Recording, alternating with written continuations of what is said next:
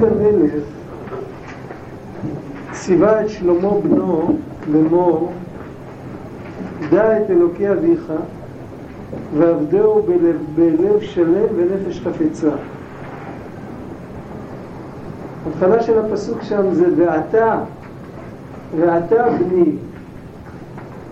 עכשיו, דע את אלוקי אביך ועבדהו בלבב שלם ונפש חפצה. את זה אפשר לעשות עכשיו. לא צריך לחכות שיקרה משהו. איך אפשר לדעת את אלוקי אביך?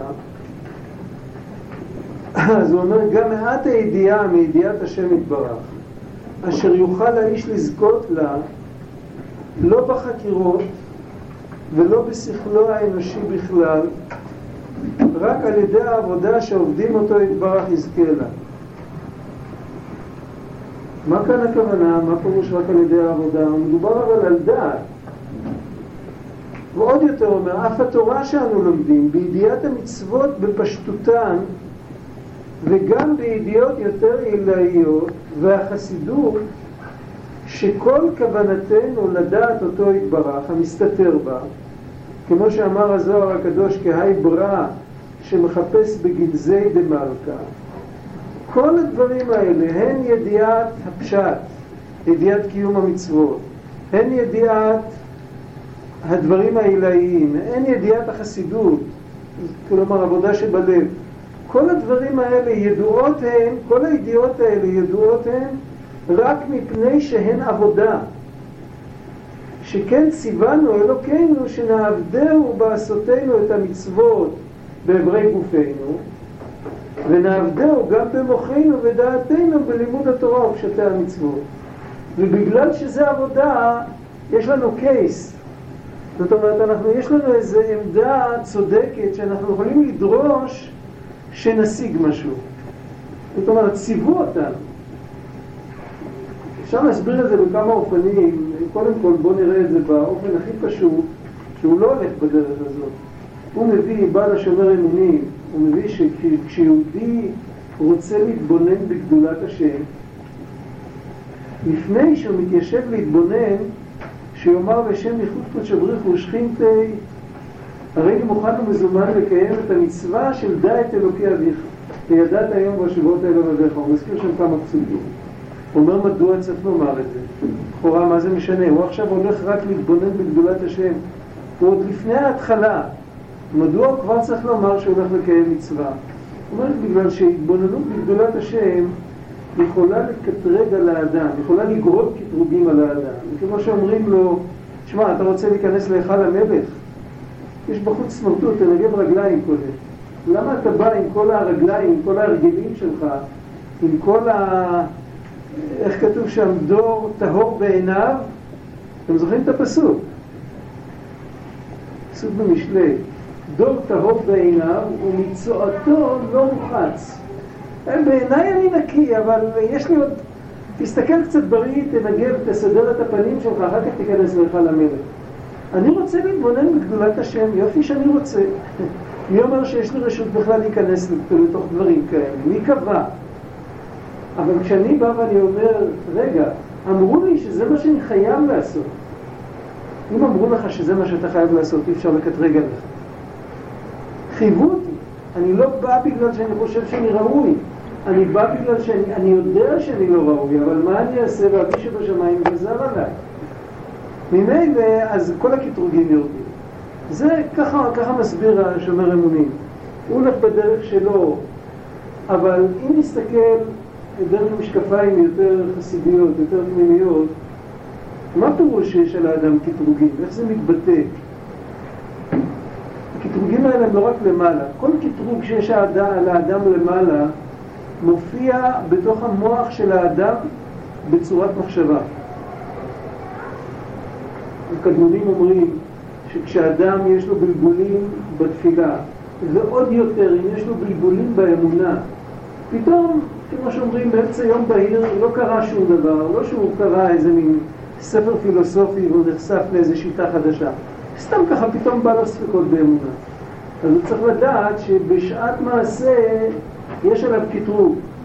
והקטרוג הזה הוא קטרוג ש... הוא בכל הספקטרום. אז איך שזה מופיע במוח שלי, זה מופיע בתור שפה.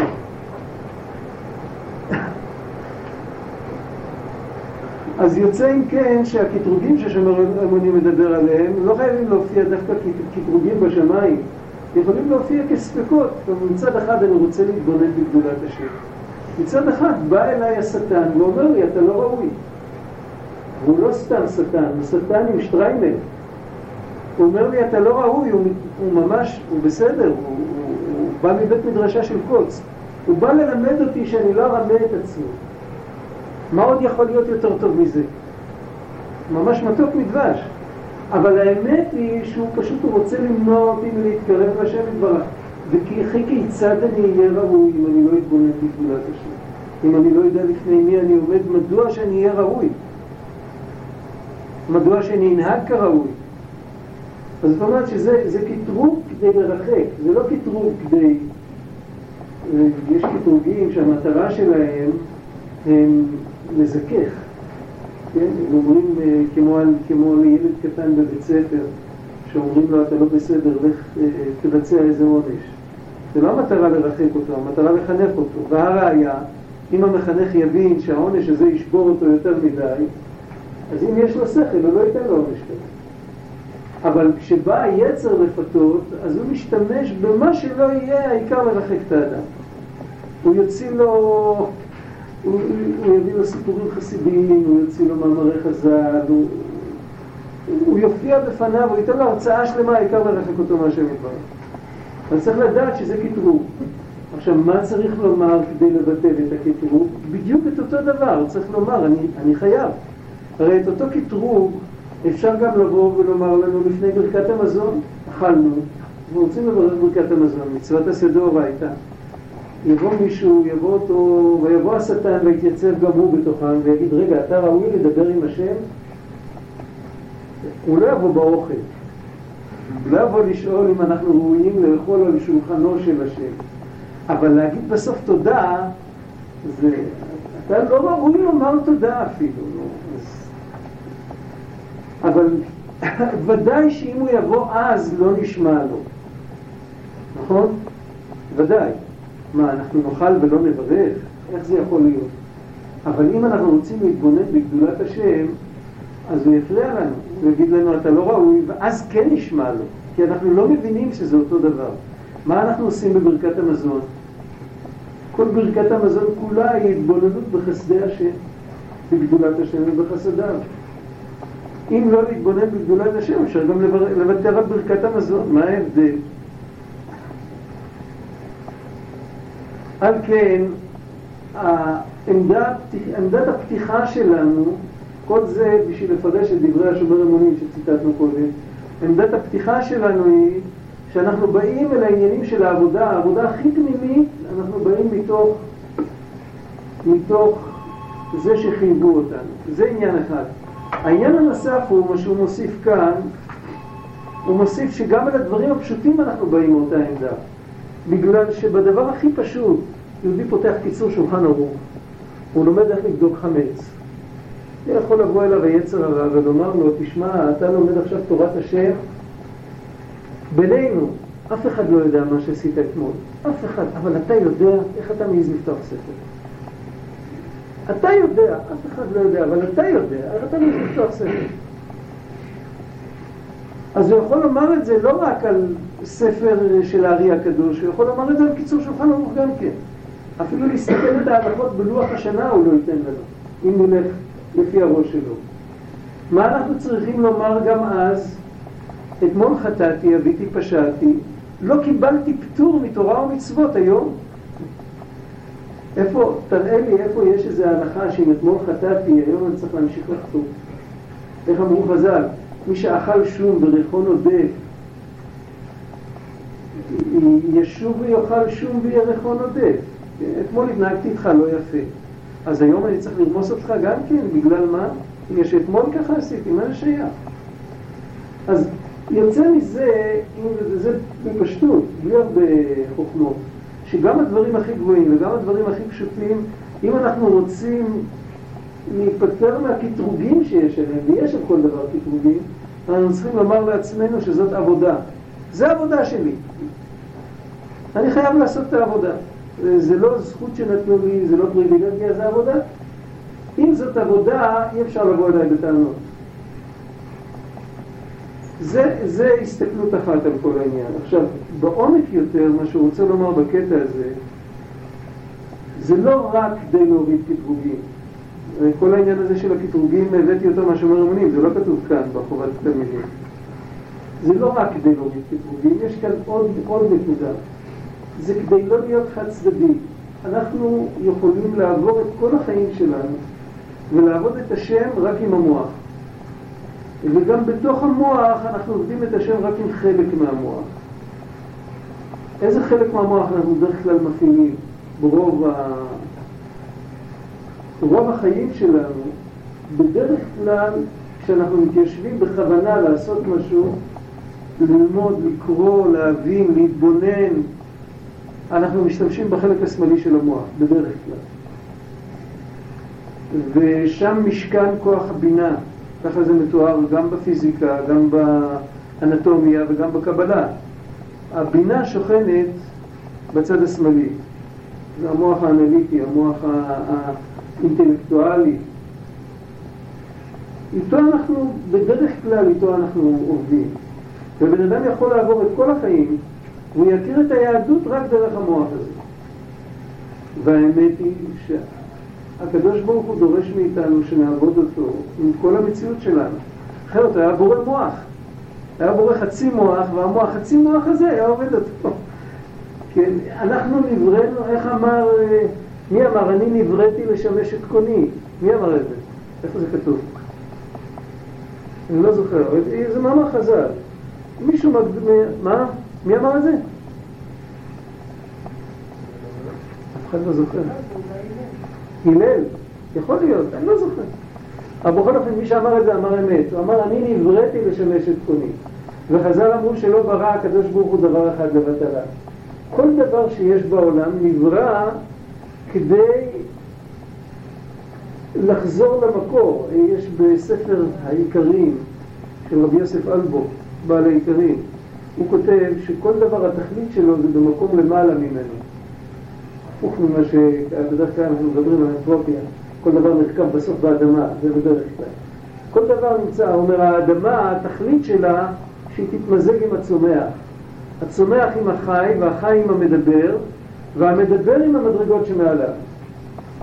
ובכל דבר יש הרי הרבה הרבה כוחות, בפרט אצל בן אדם, כל, כל בן אדם יודע בעצמו שיש לו המון כוחות. כל כוח כזה נברא כדי שדרך הכוח הזה הוא יתמזג עם הדרגות שעליו. כל כוח. זה לא משנה איזה כוח. אז אם אנחנו למשל, לצורך העניין, אם ניקח פסוק, פסוק קצר, בנים אתם להשם אלוקיכם, וננסה ללמוד אותו לא רק עם הבינה שלנו, אלא ננסה ללמוד אותו עם כל, ה... עם כל הכוחות שלנו. הכוח הראשון שיש לנו בנפש זה הרצון. אדם חסר רצון הוא לא אדם בכלל. הוא לא חי. יש מחלה כזאת שבן אדם מאבד את הרצון.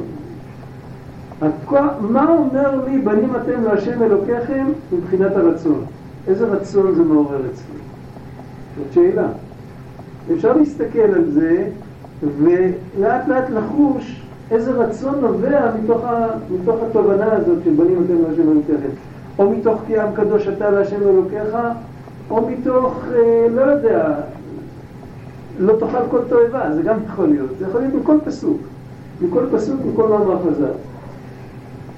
איזה, איזה תובנה יוצ... מגיעה לי, לא רק תובנה, מה נוצר אצלי דרך החוכמה שמסתכלת על הפסוק הזה.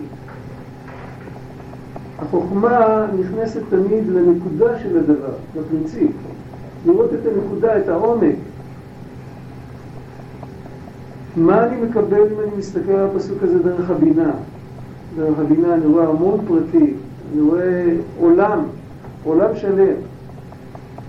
ואני יכול להתחיל לחפש את הפרטים. עכשיו, מה אומר לי כשאני מסתכל על הפסוק הזה דרך הדעת? דרך הדעת זה כבר סיפור אחר לגמרי. דרך הדעת אפשר להתעלף. כשמגיעים לבנים אתם להשם אלוקיכם. כן, לדעת, זאת אומרת, לדעת שזה כך. אה, סיפורה בחורה, אני לא שמעתי את זה ממנה, שמעתי מחבר ששמע ממנה. זה לא בדיוק דעת, אבל זה, זה נקודה אמיתית כזאת שצריך... היא הייתה במקום שלומדים לשבור בלוקים עם היד. מכירים את זה? אז uh, היה שם מישהו שהעביר את הקורס, וכולם ניסו, אף אחד לא הצליחה. הרבה בנות, אף אחד לא הצליח. אני הייתה חוצפנית, היא הלכה לזה שהעביר את הקורס, ואמרה לו, תגידי, מה? לימדת אותנו את כל הטכניקות, ושום דבר לא. מה הסוד שלך? איך אתה עושה את זה? אז הוא אמר לה, אם תחזיקי מחשבה חזקה, זה דבר שכתוב בליקוטי מרן, קצ"ג, אתם יכולים לרשום לעצמכם ולהסתכל אחר כך. תורה קצ"ג, זה חלק א' של ליקוטי מרן. אם תחזיקי בראש, הוא לא למד ליקוטי מרן, אולי פעם נלמד. אם תחזיקי בראש שאת רואה את הבלוק, אם תראי את היד שלך יורדת ועוברת מכאן, והבלוק לא עוצר אותה. פשוט. אם תדעי בטוח שזה כך, אז היד שלך תעבור. אז היא עשתה את זה בתמימות, ככה. אז היא אומרת שלא רק שהיא שברה את הבלוק, אפילו לא כאב לה.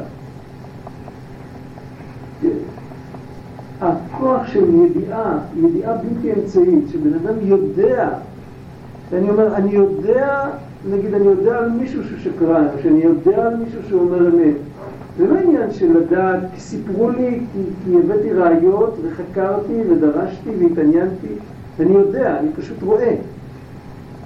הכוח הזה של לדעת זה כוח להתחבר לדברים עם כל המהות שלנו.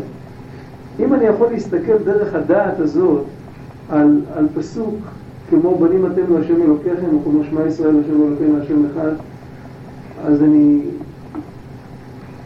יכול להיות בשנייה אחת ששם הבלוק נשבר, יכול להיות לב האבן נשבר, ובן אדם משתנה לגמרי, בבת אחת.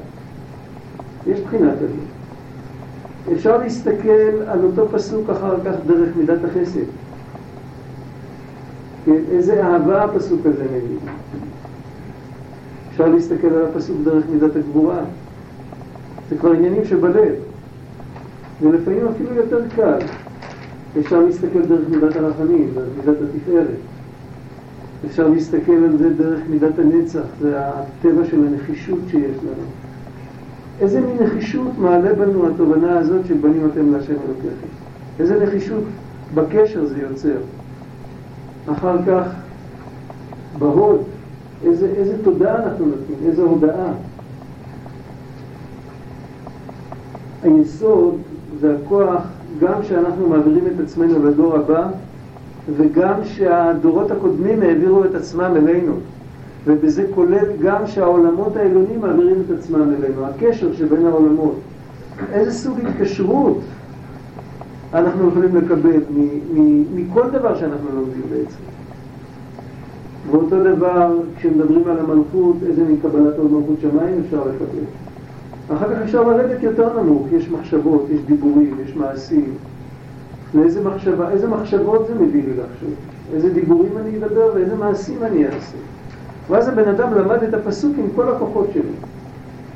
הרבה פעמים כשמדברים על כך, בנקודי אה, מוהר"ן כתוב כמה פעמים, בעצם זה, זה שינוי קל של מאמר חז"ל. חז"ל אמרו שהאמן יש מרבה צריך לענות בכל כוחו. רבי נחמן כותב בנקודי מוהר"ן כמה פעמים שלהתפלל צריך בכל כוחו. צריך להכניס את כל הכוחות לתפילה, את כל הכוח לתפילה. מה פירוש להכניס את כל הכוח לתפילה? איזה כוח? את כל הכוחות. אם, אם אומרים לבן אדם תכניס את כל הכוח שלך, אז כאילו שאומרים לו תכניס את כל הכוחות שלך. כי הכוח של הבן אדם הוא לא אחד, הוא הרבה כוחות. אם בן אדם יתפלל בצורה חד צדדית, אז הוא לא יכניס את כל הכוח שלו. יכול להיות שכוח מסוים אחד הוא הכניס עד הסוף. יכול להיות שמידה אחת הוא הכניס עד הסוף, או, או הבנה מסוימת הוא הכניס עד הסוף, אבל הוא לא הכניס את כל הכוח שלו. כמובן שאי אפשר בתפילה רגילה לשבת ולעשות את זה על כל פסוק, כי אז לא נגמור להתפלל אפילו אם יהיה לנו 24 שעות בשביל התפילה. וחוץ מזה גם אי אפשר בגלל שהעבודה הזאת מאוד מעייפת. עכשיו לדבר על זה זה נורא קל, אבל אם בן אדם באמת מתיישב לעשות את זה, היות שזה גם מרגש, זה לא רק, זה לא רק ריכוז, אז, אז אחרי שלוש-ארבע פסוקים צריך ללכת לנוח, עבודה כזאת. אבל מה שכן, בן אדם יכול, שלא בזמן התפילה ולא בזמן הלימוד הרגיל, יכול לקחת לעצמו זמן שבו הוא מחנך את עצמו להתייחס לכל דבר שהוא פוגש לא רק עם, עם הכוח שקופץ ראשון ומגיב, אלא עם כל, עם כל המציאות שלו. ואז הוא באמת עובד את השם. ממילא, אם בן אדם, נחזור עכשיו לעניין שלנו, אם בן אדם מתייחס לעבודת השם מראש כאילו שזה דבר שיש כמו כל עבודה. יודע, כשאני בונה, אני משתמש בידיים ובעיניים ובחוש של שיווי המשקל, כן? כשאני מצייר, אני משתמש באותם איברים בצורה שונה.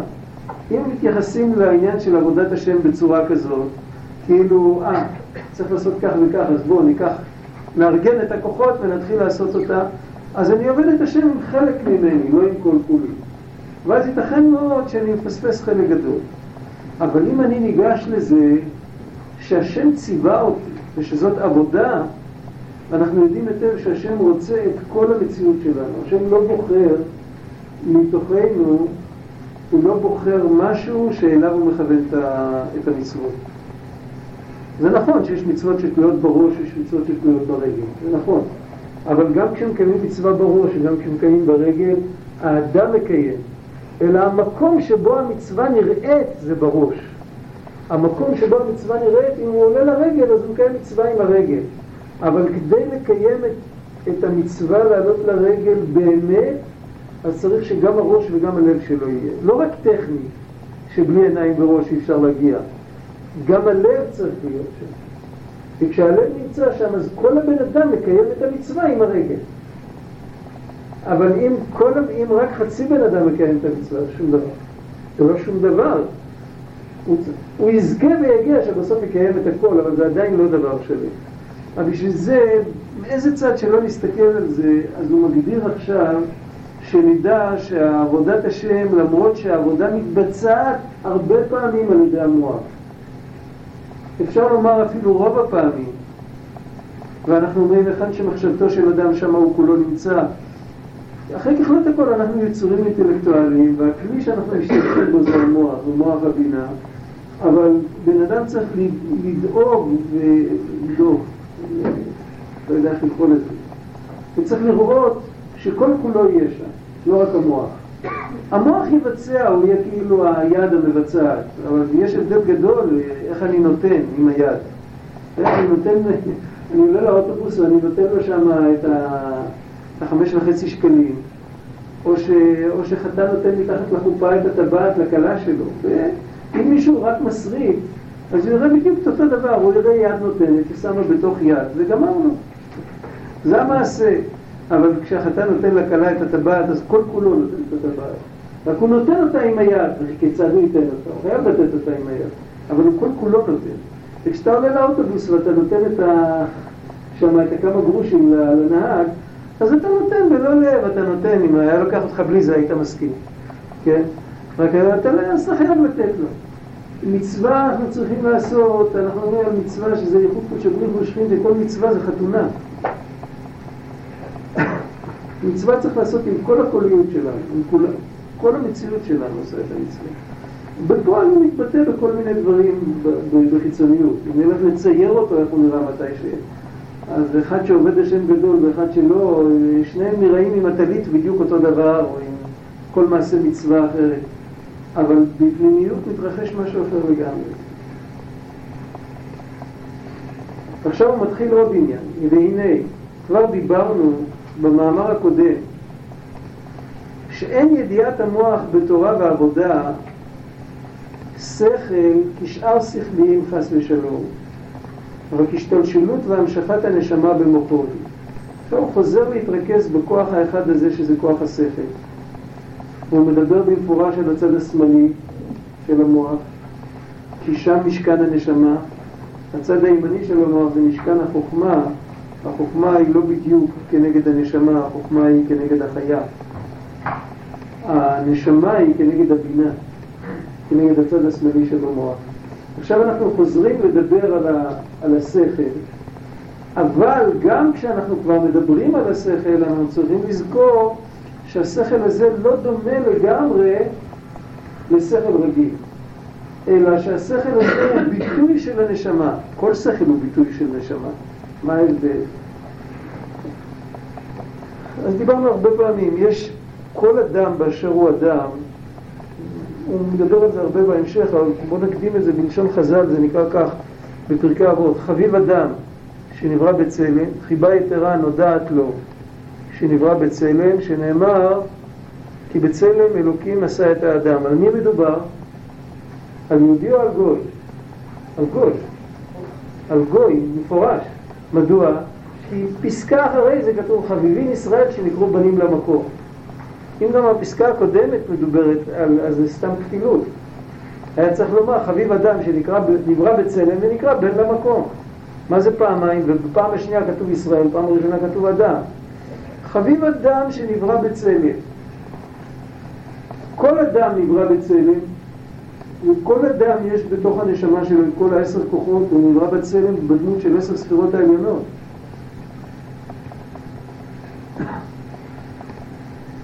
ולאדם הזה יש את נשמתו של האדם, איך שנקרא לזה נפש, נשמה, אז בכלל לא חשוב, שזה, הוא חביב אדם שנברא בצלם, יש לו נשמה, הנשמה מתבטאת בשכל, הרוח מתבטאת במידות, והנפש מתבטאת במעשים, והנשמה מתבטאת בשכל. אצל יהודי יש סיפור חדש לגמרי, הוא נקרא בנים למקום. חוץ מזה שהוא אדם כמו כל אדם, יש לו עוד נשמה, והנשמה הזאת היא חלק אלוקה. בנים אתם להשם אלוקיכם. זה סיפור חדש לגמרי. וכשאומרים כאן שיהודי מנסה לעבוד את השם, איך שלא יהיה, משתמש עם השכל שלו, אז השכל, השכל הזה זה לא שכל רגיל, זה ביטוי של הנשמה. רוצים לומר שהשכל הזה הוא לא ביטוי של חביב אדם שנברא בצלם, אלא חביב, חביבין ישראל שנקראו בנים למקום. יש הבדל גדול אם האלוקים ברא אותנו שהאלוקים הוא אבא שלנו. הבדל בקשר, ביחס. אנחנו אומרים בוראנו, גואלנו, יוצרנו, קדושנו, אנחנו אומרים הרבה הרבה ביטויים, אבל אנחנו גם אומרים אבינו. וזה הביטוי הכי חזק. וזה הרשות שהוא נתן לנו לומר אבינו, זה לא מצד זה שאנחנו בני אדם, מצד זה שאנחנו בני אדם, אז הוא בורנו וקדושנו ויוצרנו, הכל נכון. מצד זה שיש לנו נשמה שהיא חלק אלוקה, מצד זה הוא נקרא אבינו. ואם יהודי מנצל את השכל שלו בשביל להבין משהו בתורה או בעבודת השם, הוא מגלה את הבן, זה ברור? את נקודת הבן. זאת אומרת, מתגלה בו כמו שאתה רואה ילד, וואי, זה קופי אבא שלו. מכירים את זה? אתה רואה יהודי עובד את השם, אתה אומר, זה כוח אלוקי, זה שאדם גשמי, בשר ודם, בוחר בטוב, ומתבונן בגדולת השם ומשיג השגה מסוימת, נופל, נופל לו האסימון, אז אתה אומר, זה כוח אלוקי, זה לא בא סתם, זה לא חלק מהאנושות, זה לא בגלל שהוא איש, זה בגלל שיש בו חלק אלוקה. זה מה שהוא, זה מה שהוא בעצם אומר כאן. אין ידיעת המוח בתורה ועבודה שכל כשאר שכליים שהם כולם חביבים, כן, אבל הם, הם בתור בני אדם, חס ושלום, רק השתלשלות והמשכת הנשמה במוחו היא. איזה נשמה? הנשמה שהיא חלק אלוקה. אבל שם דיברנו, במאמר הקודם דיברנו בעיקר מפעולה עילה מן ההשתלשלות ממרום. איך האור מצטמצם ומשתלשל ממרום ביחידה חיה וכולי. ועתה רצוננו לדבר יותר מהפעולה אשר באדם. מה נעשה בו? איך הוא ממשיך את האור, ואיך הוא מתקשר בו ומגלה אותו.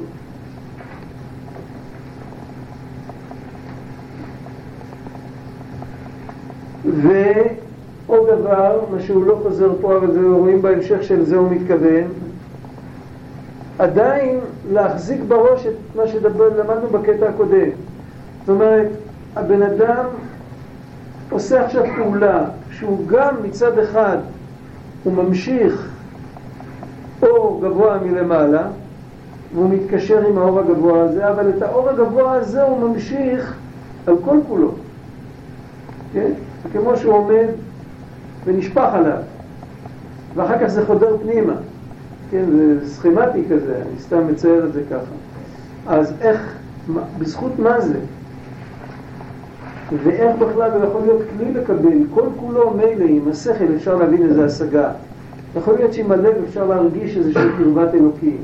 אבל מה יכול הבשר של הגוף להרגיש? שום דבר. הוא נשאר, אה, אל תיתן לו יומיים אוכל, הוא יהיה נורא רעב. אחרי כל ההשגות. אז מה, מה פעלנו בו? הוא נשאר עקשן. אז הוא אומר לו כך, כי אף שדיברנו שנפש הקדושה שבישראל נמשלת לכבד, הנפש מקום כתוב בזוהר שיש שלוש שליטים באדם, המוח והלב והכבד, ראשי תיבות מלך. זאת אומרת, אם זה הולך בסדר הזה שהכל מתחיל מהמוח ואחר כך זה הולך ללב והכבד הוא האחרון בחשיבות, אז הבן אדם הוא מלך. יכול להיות שיהיה מלך, יכול להיות כלם, יכול להיות כל מיני אופנים, אבל כתוב אצל בלעם ש... שהוא לא, היה, הוא לא ידע את הרגע שהשם כועס בו, הגמרא שואלת מה הוא כבר היה יכול להספיק לקלל אם הוא כן היה יודע. הגמרא אומרת, היה אומר כלל. כלל, חלה אותה. אז יכול להיות שהפירוש כלם, תהפוך להם את הסדר. שיתחיל מהכבד וילך ללב וילך למוח, ממילא לא יישאר להם שום דבר. זה גם יכול להיות. אבל על כל פנים, אם הבן אדם הולך עם הסדר הנכון, אז גם הלב שלו, גם, גם הכבד, גם החלקים הנמוכים משרתים את הקדושה. כי אף שדיברנו שנפש הקדושה שבישראל נמשלת לכבד, אף לכל גופו, ואף לכל גופו, לא רק לכבד, כאן צריך להיות פסיק, אחרי המילה גופו. איך כתוב?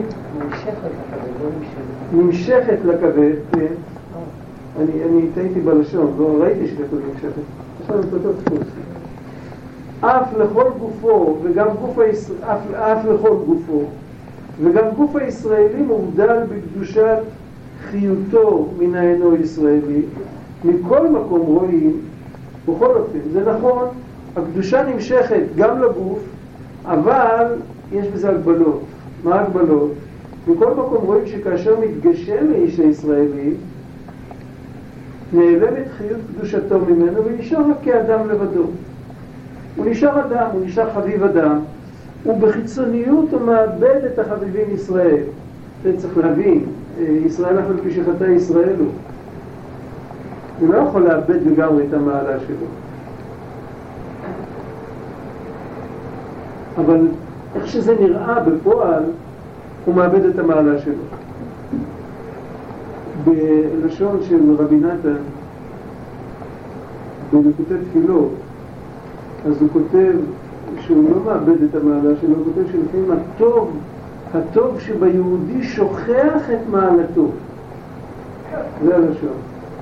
שוכח את מעלתו. בן אדם שוכח, דיברנו כמה פעמים רב שמחה גוני מפשיסרנו, שהחיסרון הכי גדול אצל יהודי זה שהוא שוכח שהוא בן מלך.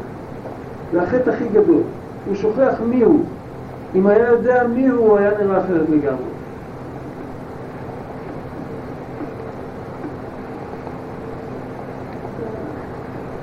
נתאר לעצמנו סיפור כזה, נחשוב, אנחנו, יבוא אלינו מישהו שאנחנו מאמינים בו, לא יודע אם יש לכל אחד פה מישהו שהוא מאמין בו, אבל הם, נתאר היפותזה כזאת, יש מישהו שאנחנו מאמינים בו לגמרי, היה בא אלינו ואומר לנו, נגיד, היה בא אחד מאיתנו והיה אומר, אתה ניצוץ מנשמתו של, ניקח מישהו מהדורות המאוחרים, לא צריך הרבה, הרמח"ל. או אתה ניצוץ מנשמתו של אה, רבנו תם, קצת קודם. או אתה ניצוץ מנשמתו של רבי עקיבא. כתוב על האריזה, שהוא אמר ברבי חיים ויטל שהוא ניצוץ מנשמת רבי עקיבא. אבל כן, מישהו היה מגיע, היה מגיע איזה מישהו גדול, והיה אומר לנו שאנחנו נצץ מנשמתו של רבי עקיבא. היינו מתחילים להתנהג אחרת לגמרי. זו עובדה. היה לנו אחריות אחרת, היינו מקבלים שמחה אחרת, היינו מקבלים אחריות אפילו על חטא ווידויים, היינו אומרים עם יותר רצינות. וזה שאנחנו חלק אלוקא ממעל שום דבר, צריך דווקא להיות ניצוץ מנשמתו של רבי עקיבא. יש כאן איזה שכחה. מה שקורה זה בדיוק שכחה, כי כולם ככה, מי לא חלק אלוקא ממעל? כולם חלק אלוקא ממעל. ניצוץ מנשמתו של רבי עקיבא זה רק אני. זה בדיוק ה... ככה עובד מערכת ששוכחת, ככה עובדת. מערכת שזוכרת, אז היא אומרת, רגע, מה, מה מוכרים לי פה? מה זה? מה קרה? המערכת ששוכחת, ככה עובדת. היא שמה לב לכל דבר שהוא בולט, שהוא אדום, שהוא מהרהב, ודבר שהוא מינורי כזה, הוא הרי יכול להיות הרבה יותר חשוב, אז לא שמים לב אליו. אז זה מה שהוא אומר, הוא אומר, כשאדם מתגשם, נעלמת חיות קדושתו ממנו. זה לא שזה באמת נעלם, זה נעלם ומחזיר פתאום, הוא לא מרגיש את זה, ואחרים לא מרגישים את זה, זה איננו. ונשאר רק האדם לבדו, צריך לבוא צדיק מאוד קדוש שיוכל לראות בו את הטוב שבו. ואם הוא יראה בו את הטוב שבו ויגלה לו ויגיד לו וואי אתה לא יודע מה אתה, אז יכול להיות שהוא יחזור בו, שהוא, שהוא יסתדר חזרה. אבל הבן אדם עצמו לא מרגיש כלום. וגם אם אינו מתגשם כל כך, והישראליות נמצאה בו, המונח ישראליות כאן זהה למונח קדושה. הישראליות נמצאה בו, לא כל אחד שווה בדבר. הצדיקים הגדולים, כל גופם היה קודש. גם חושיהם וגם חיותם. גם בעיני הבשר ראו אורות, נשמות ומלאכים. כן? זאת אומרת, העין הגשמית שלהם לא הסתירה. בדרך כלל הכלל הוא שכשהכוח הראייה הרוחני מתלבש בעין, הפנימיות שלו נעלמת והחיצוניות מתגלה. במקום לראות דברים רוחניים, הוא רואה רק את הגשמיות. זה בדרך כלל. אבל אם בן אדם הצליח לזכך את הגוף שלו לגמרי, אז העין הגשמית לא מסתירה. גשמיות זה לא דבר שמסתיר, מה שמסתיר זה חומריות. אין, אין חיסרון בגשמיות כשלעצמה. החיסרון בגשמיות זה שבן אדם, שהגשמיות היא תפוסה באגו ובכל מיני, ובשבילי, ותפוס כפי יכולתך וכל הדברים האלה. אם בן אדם נקי מזה לגמרי, אז הגשמיות לא מסתירה עליו. וגם באוזניהם שמעו כל השם ממאור. והאנשים שאינם צדיקים כמוהם, הישראליות שבהם מעטה. והבחינת אדם שבהם יתרה עליהם. הם יותר חביב אדם ופחות חביבים ישראל. זה מתהפך כאילו, האחוזים. ואף שגם בהם חיות כל גופה מנפש הישראלית. ואף נפש הבעמיות שלהם, שהיא נפש המחיה אותם, גם כן לא כבכל מדבר הוא, רק תחתית הנשמה ורוח הישראלית שלו. בתניא מתואר נפש אלוקית ונפש בעמית כשתי נפשות. יש ספר שנקרא שערי העבודה, שכתב אותו תלמיד של בעל התניא, הוא כותב בהקדמה שהוא למד אצלו 30 שנה, הוא למד אצלו. זה היה גאון עצום. איך שהוא מתאר שם את שתי הנפשות, הוא לא אומר במפורש את מה שאני אומר עכשיו, אבל עם כל התיאור שלו, ממש, אתה מרגיש כשאתה קורא את זה, שזה כאילו, זה מבנה שהתחתית שלו היא בעמית, והעילאית שבו זה אלוקי. זה אחדות אחת, זה לא, לא לומר שהאדם יש לו שתי נפשות והוא סכיזופרן באופן עקרוני, כן? זה לא נכון. האדם הוא אחדותי, אלא אם כן הוא פגם בעצמו ושיגע את עצמו, או שמישהו אחר שיגע אותו. האדם הוא אחד, רק באחד הזה הוא לא האחד הפשוט, הוא לא כמו הקדוש ברוך הוא, הקדוש ברוך הוא לא מורכב. האדם הוא מורכב, אז יש בו הרכבה שהיא, אחרי שזה מורכב, אז זה בן אדם אחד. אבל בהרכבה הזאת יש חלק עליון וחלק תחתון. ואיך אנחנו יודעים באיזה מקום הבן אדם נמצא. אז אני הולך להגיד עכשיו משהו שהוא לא נכון, אני אסביר למה, למה אני אומר אותו. איך, איך אני יודע, אז יש בתנ"ך נפש בתור רצון. אם יש את נפשכם לקבור את מתים מלפניי, שמעו לי ופגעו לי בעפרון בן צוחר. מה זה אם יש את נפשכם? אם אתם רוצים. ואין נפשי אל העם הזה שלח מעל פניי ויצאו, שכתוב אצל ירמיהו, אז גם כן שם המפרשים מסבירים אין רצוני אל העם. נפש זה רצון. כשאנחנו מדברים על נפש אלוקית, מה זה? זה רצון אלוקי. רצון רוח האדם היא העולה למעלה, הוא גבוה והוא עדין, והטבע של דבר גבוה ועדין זה להיות עוד יותר גבוה ועוד יותר עדין. והנפש הבעמית זה רצון לבעמיות. אז היא גס, היא גסה ומגושמת, וטבע של דבר גס ומגושם, שהוא רוצה להיות יותר גס ויותר מגושם. כל דבר יש לו את, ה... יש לו את האינרציה שלו, יש לו את ה... לבטא את עצמו בכיוון שלו עד הסוף. כן? אז למה אמרתי שזה לא נכון? זה נכון, זה מעוגן בפסוקים, זה מעוגן בהבנה נכונה של לשון הקודש. כי אנחנו, מת... אנחנו מבינים את זה בצורה לא נכונה. אנחנו מבינים שהטבע של הנפש האלוקית זה לעלות ללמעלה, לרצות לעלות, כן? והטבע של הנפש הבאמית זה לרצות לרדת. זה לא מדויק. מה שמדויק זה שהנפש האלוקית רוצה את השם. באיזה אופן היא רוצה את השם? היא רוצה את רצון השם. היא רוצה לעשות תחת רוח להשם יתברך, היא רוצה לקיים את רצון השם. אם לשם כך יש לעלות, היא רוצה לעלות. מתי צריך לשם כך לעלות? בתורה, בתפילה, בקיום מצוות. ברגעים האלה השם רוצה מהיהודי שיתעלה, ואז הנשמה דורשת ממנו להתעלות. יש רגעים שבהם השם רוצה שיהודי ירד. כן?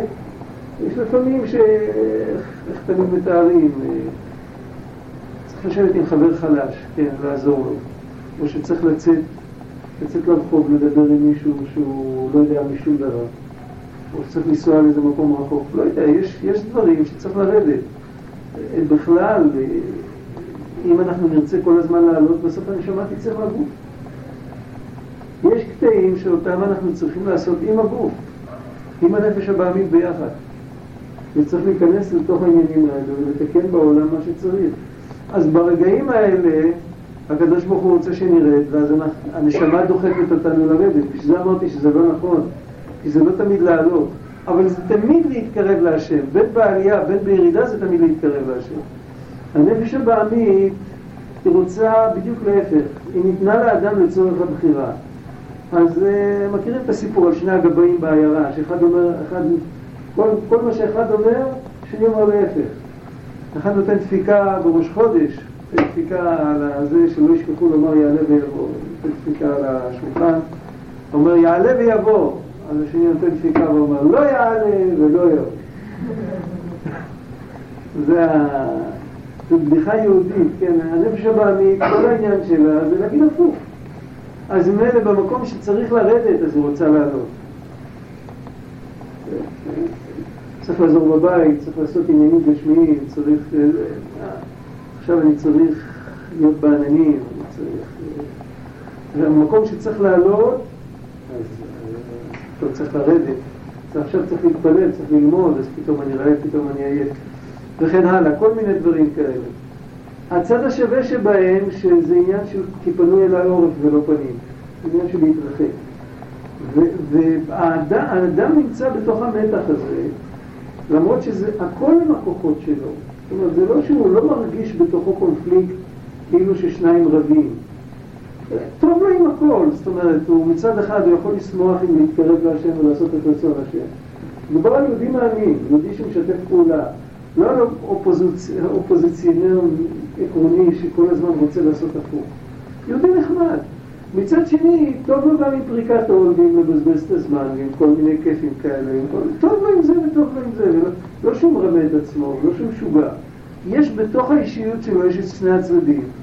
רק כמו שכל בן אדם גשמי, כשהוא עומד על גרם מדרגות, הוא יכול לעלות, הוא יכול לרדת. זה לא אומר שבגלל זה יש לו פיצול או משהו כזה. ואותו דבר כמו שכל אחד יכול ללכת ימינה וללכת שמאלה. זה היכולת שלו, ככה ברור אותו. עכשיו, כשבן אדם הולך לכיוון שצריך, אז הוא מקרין מהקדושה של הנשמה גם על הגוף, גם על הנפש הבעמית, ואז הם הופכים להיות עדינים יותר, הופכים להיות שקופים, עד כדי כך שבתכלית העלייה של זה, אז אפילו המגבלות של הגוף כבר לא מסתירות עליו כל כך. הוא יכול לראות מה שאחרים לא רואים, הוא יכול לשמוע מה שאחרים לא, לא שומעים, וכן הלאה. זה בעצם הנביא. מה קרה אצל הנביא? הנביא, ההתחלה של הנביא זה שהוא מתגבר על יצרו ואין יצרו מתגבר עליו בשום דבר שבעולם. ככה לשון הרמב"ם, בהלכות יסודי התורה, כשהוא מתאר מה זה נביא, אז הוא אומר שהנביא הוא כדי שהנבואה תוכל לחול עליו, לא בעקבות זה שהוא נביא, אדרבה, בעקבות זה שהוא מתגבר על יצרו, בעקבות זה הוא עלול להיות נביא, אם השם יבחר בו, אם יהיה צורך בו כנביא. אבל ההכשרה שלו להיות נביא, אז הקצה התחתון של ההכשרה הזאת, שאין יצרו מתגבר עליו. ממילא אז הוא מושך לכיוון הטוב, הוא מושך לכיוון של להתקרב להשם. כשהוא מושך לכיוון של להתקרב להשם, הרי הנפש הבעמית היא חלק אחד איתו, היא לא שכן, היא לא מישהו אחר. ממילא היא גם מתעדנת עד שגם הגוף שלו נהיה כל כך עדין שהוא יכול לקבל גילוי אלוקות בתוך הגוף. הוא יכול לראות ולשמוע דברים אחרים גם דרך, גם דרך האוזניים והעיניים, לא רק דרך הלב.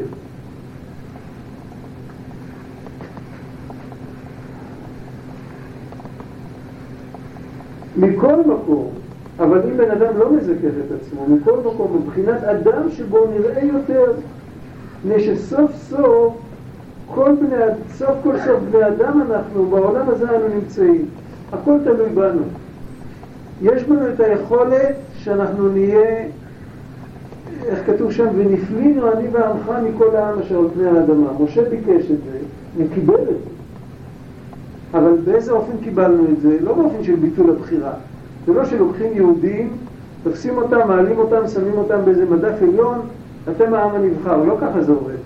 היהודי הוא יהודי הוא בן אדם כמו כולם. הוא יכול להיות שודד דרכים, הוא יכול להיות צדיק כמו משה, יש לו את הבחירה.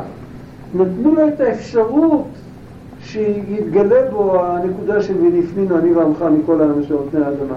אם הוא מנצל אותה, טוב מאוד, אם הוא לא מנצל אותה, זה יכול לחכות אלפי שנים עד שיראו משהו כזה. והרי זה דומה לשושנה שריחה ערב.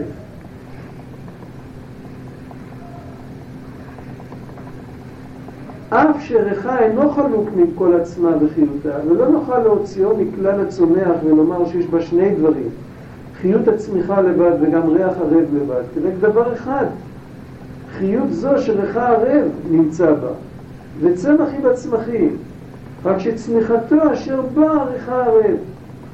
כן, ומצד אחד אפשר להסתכל על השושנה עם הריח הערב, אה, חלק מהבוטניקה, לא לעשות ממנו עסק.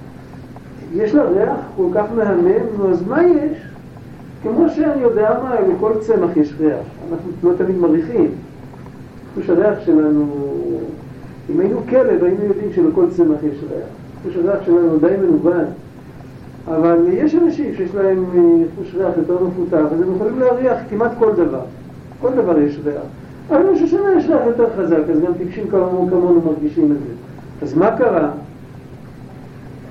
זאת אומרת, אנחנו, ומצד שני, זה עולה על שולחן מלכים, ובאמת ריח כזה יכול להשיב את הנפש.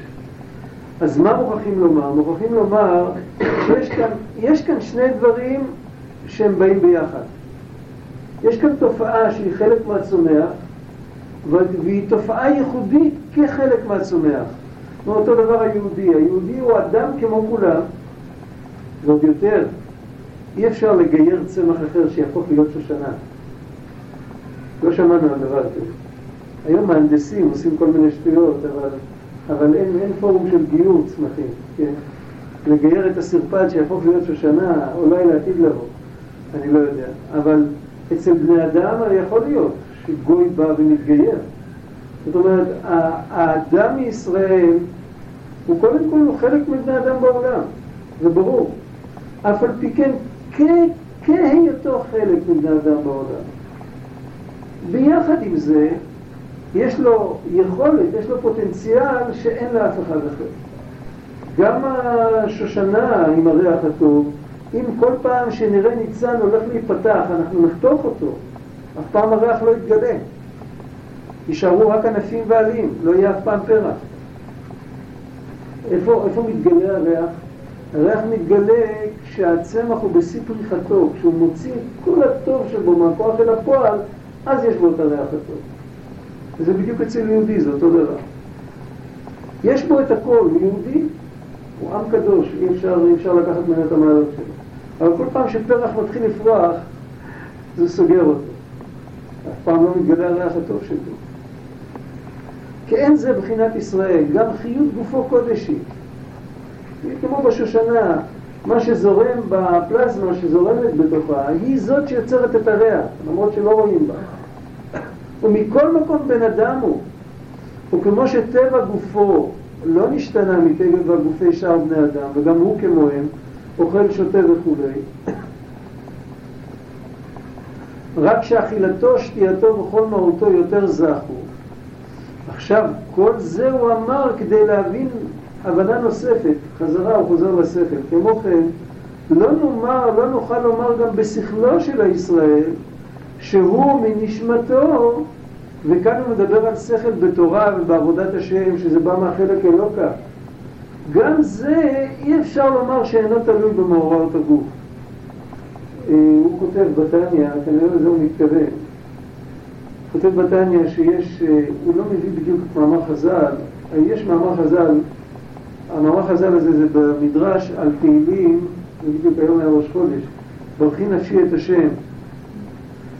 אז אה, אומר, אמרו חז"ל, שמה הנשמה ממלאה את הגוף, כך הקדוש ברוך הוא ממלא את העולם. אז הוא כותב בתניא שהמשל לא דומה לגמרי לנמשל. מדוע המשל לא דומה לגמרי לנמשל? בגלל שבמשל הנפש, אפילו הנפש בקדושה, הנשמה שממלאה את הגוף, היא מתפעלת ממקרה הגוף. כמו שכתוב ברמב"ם, בהלכות אה, כתוב שהיות הגוף בריא מדרכי השם הוא. כי לא יכול להיות שבן אדם יהיה חולה או שיכאב לו אחד מאיבריו והוא יוכל לעבוד את השם. הוא לא יכול לעבוד את השם, הוא מוטרד. זאת אומרת, למרות שמי שעובד את השם זה הנשמה, והנשמה יכולה להיכנס להשגות עליונות, אבל הגוף יכול להפריע. וצריך גוף בריא כדי שהגוף לא יפריע. שלא יהיו תירוצים מצד הגוף. צריך שיהיה גוף בריא, זה חיוב. זה לא, זה, זה לא ניתן, זה לא, זה לא, זאת אומרת, זה הלכה שצריך לשמור על הבריאות. מה אומרת?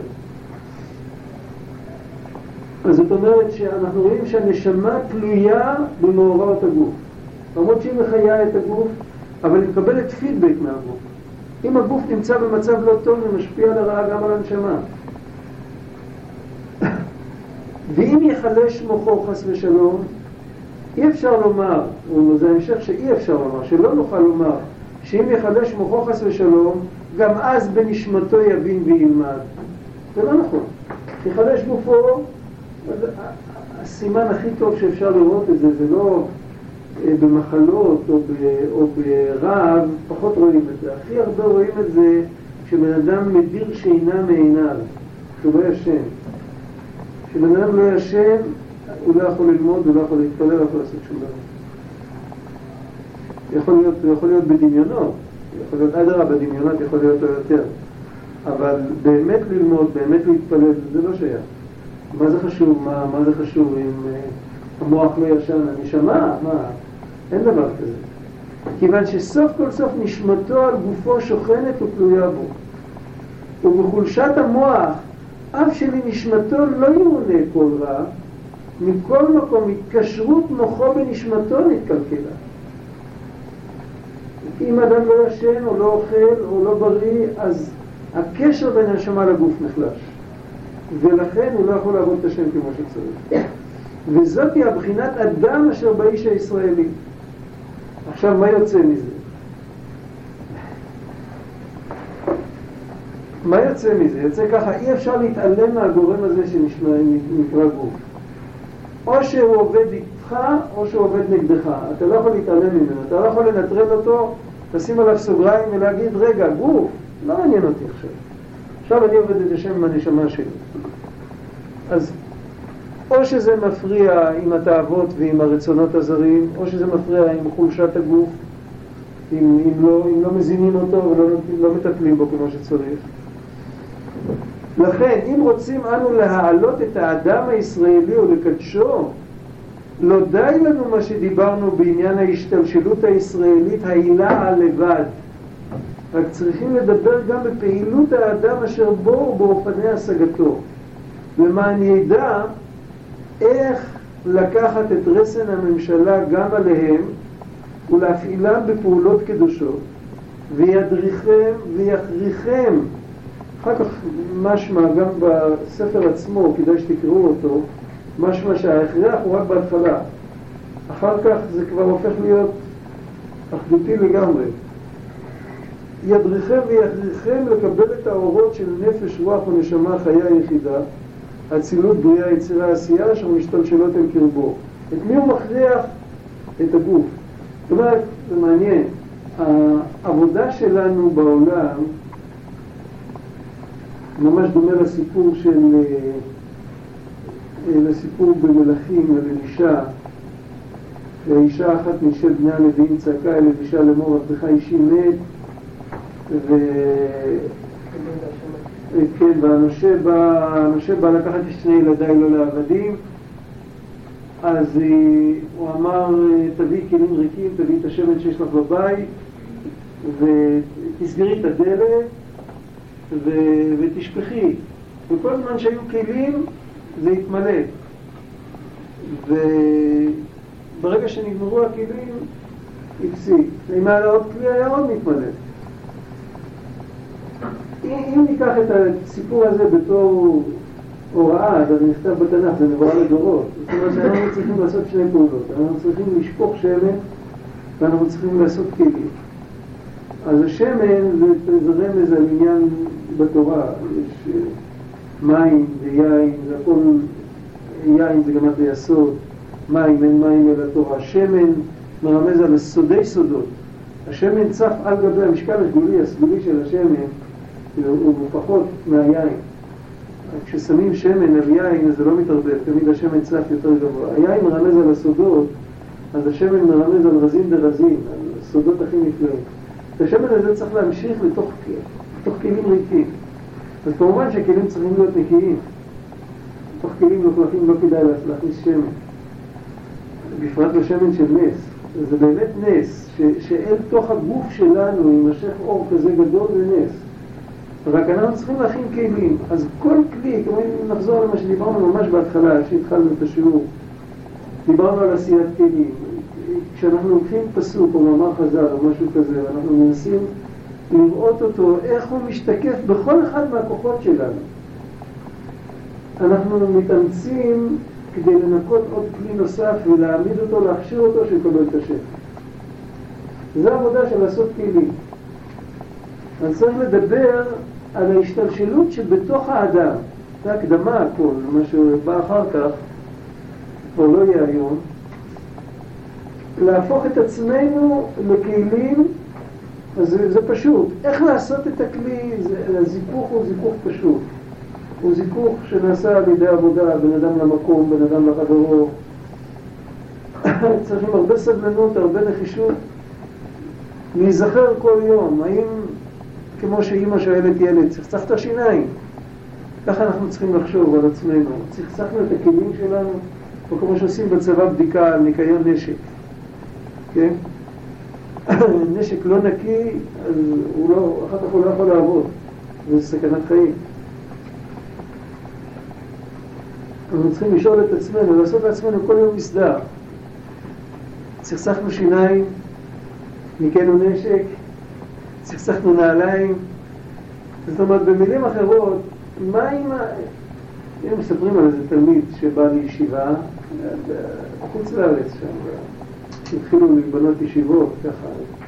הוא בא לישיבה תלמיד חדש בא מהבית לישיבה, ביום שישי הוא מסתובב, מחפש, שואלים אותו החברים הוותיקים יותר, מה אתה מחפש? אז הוא אומר, אני מחפש משחת נעליים, אבל תזכור שלכאן באים לצחצח את המוח. כן, מחפש משחת נעליים וזה לא יוצאים ידי חובה. בסדר, אבל לא יוצאים ידי חובה.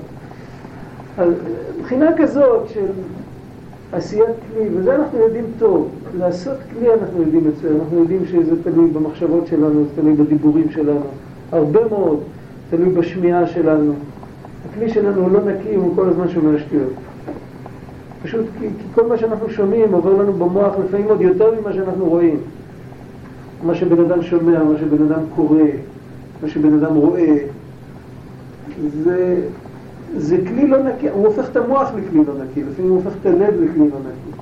הוא שומע כל מיני דברים, ואחר כך הלב שלו מלא כעס ומלא קושיות, הוא מגיע לפגם אמונה.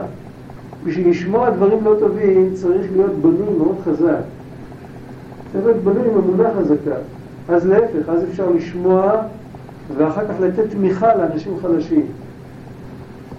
אבל אם בנויים לא, זה קל להפיל ולקלקל, תחשבו על מישהו שעולה על הר, יש לו תרמיל כבד על הגב, ואנחנו יורדים מולו, אנחנו בלי תרמילים ואנחנו בירידה, ואנחנו נותנים לו מכה בחזה ומגלגלים אותו אחורה. זה גבורה גדולה? לא גבורה בכלל. זה מה שבדרך כלל כל הדברים האלה עושים לנו. צריך לא להתבלבל מהעולם, לקחת אותו במנות כאלה שאפשר להתגבר. כל אחד לפי ערכו. מי שכבר יותר גדול ויותר קדוש, יכול לקחת מנה יותר גדולה מהעולם ולא להתבלבל ממנו.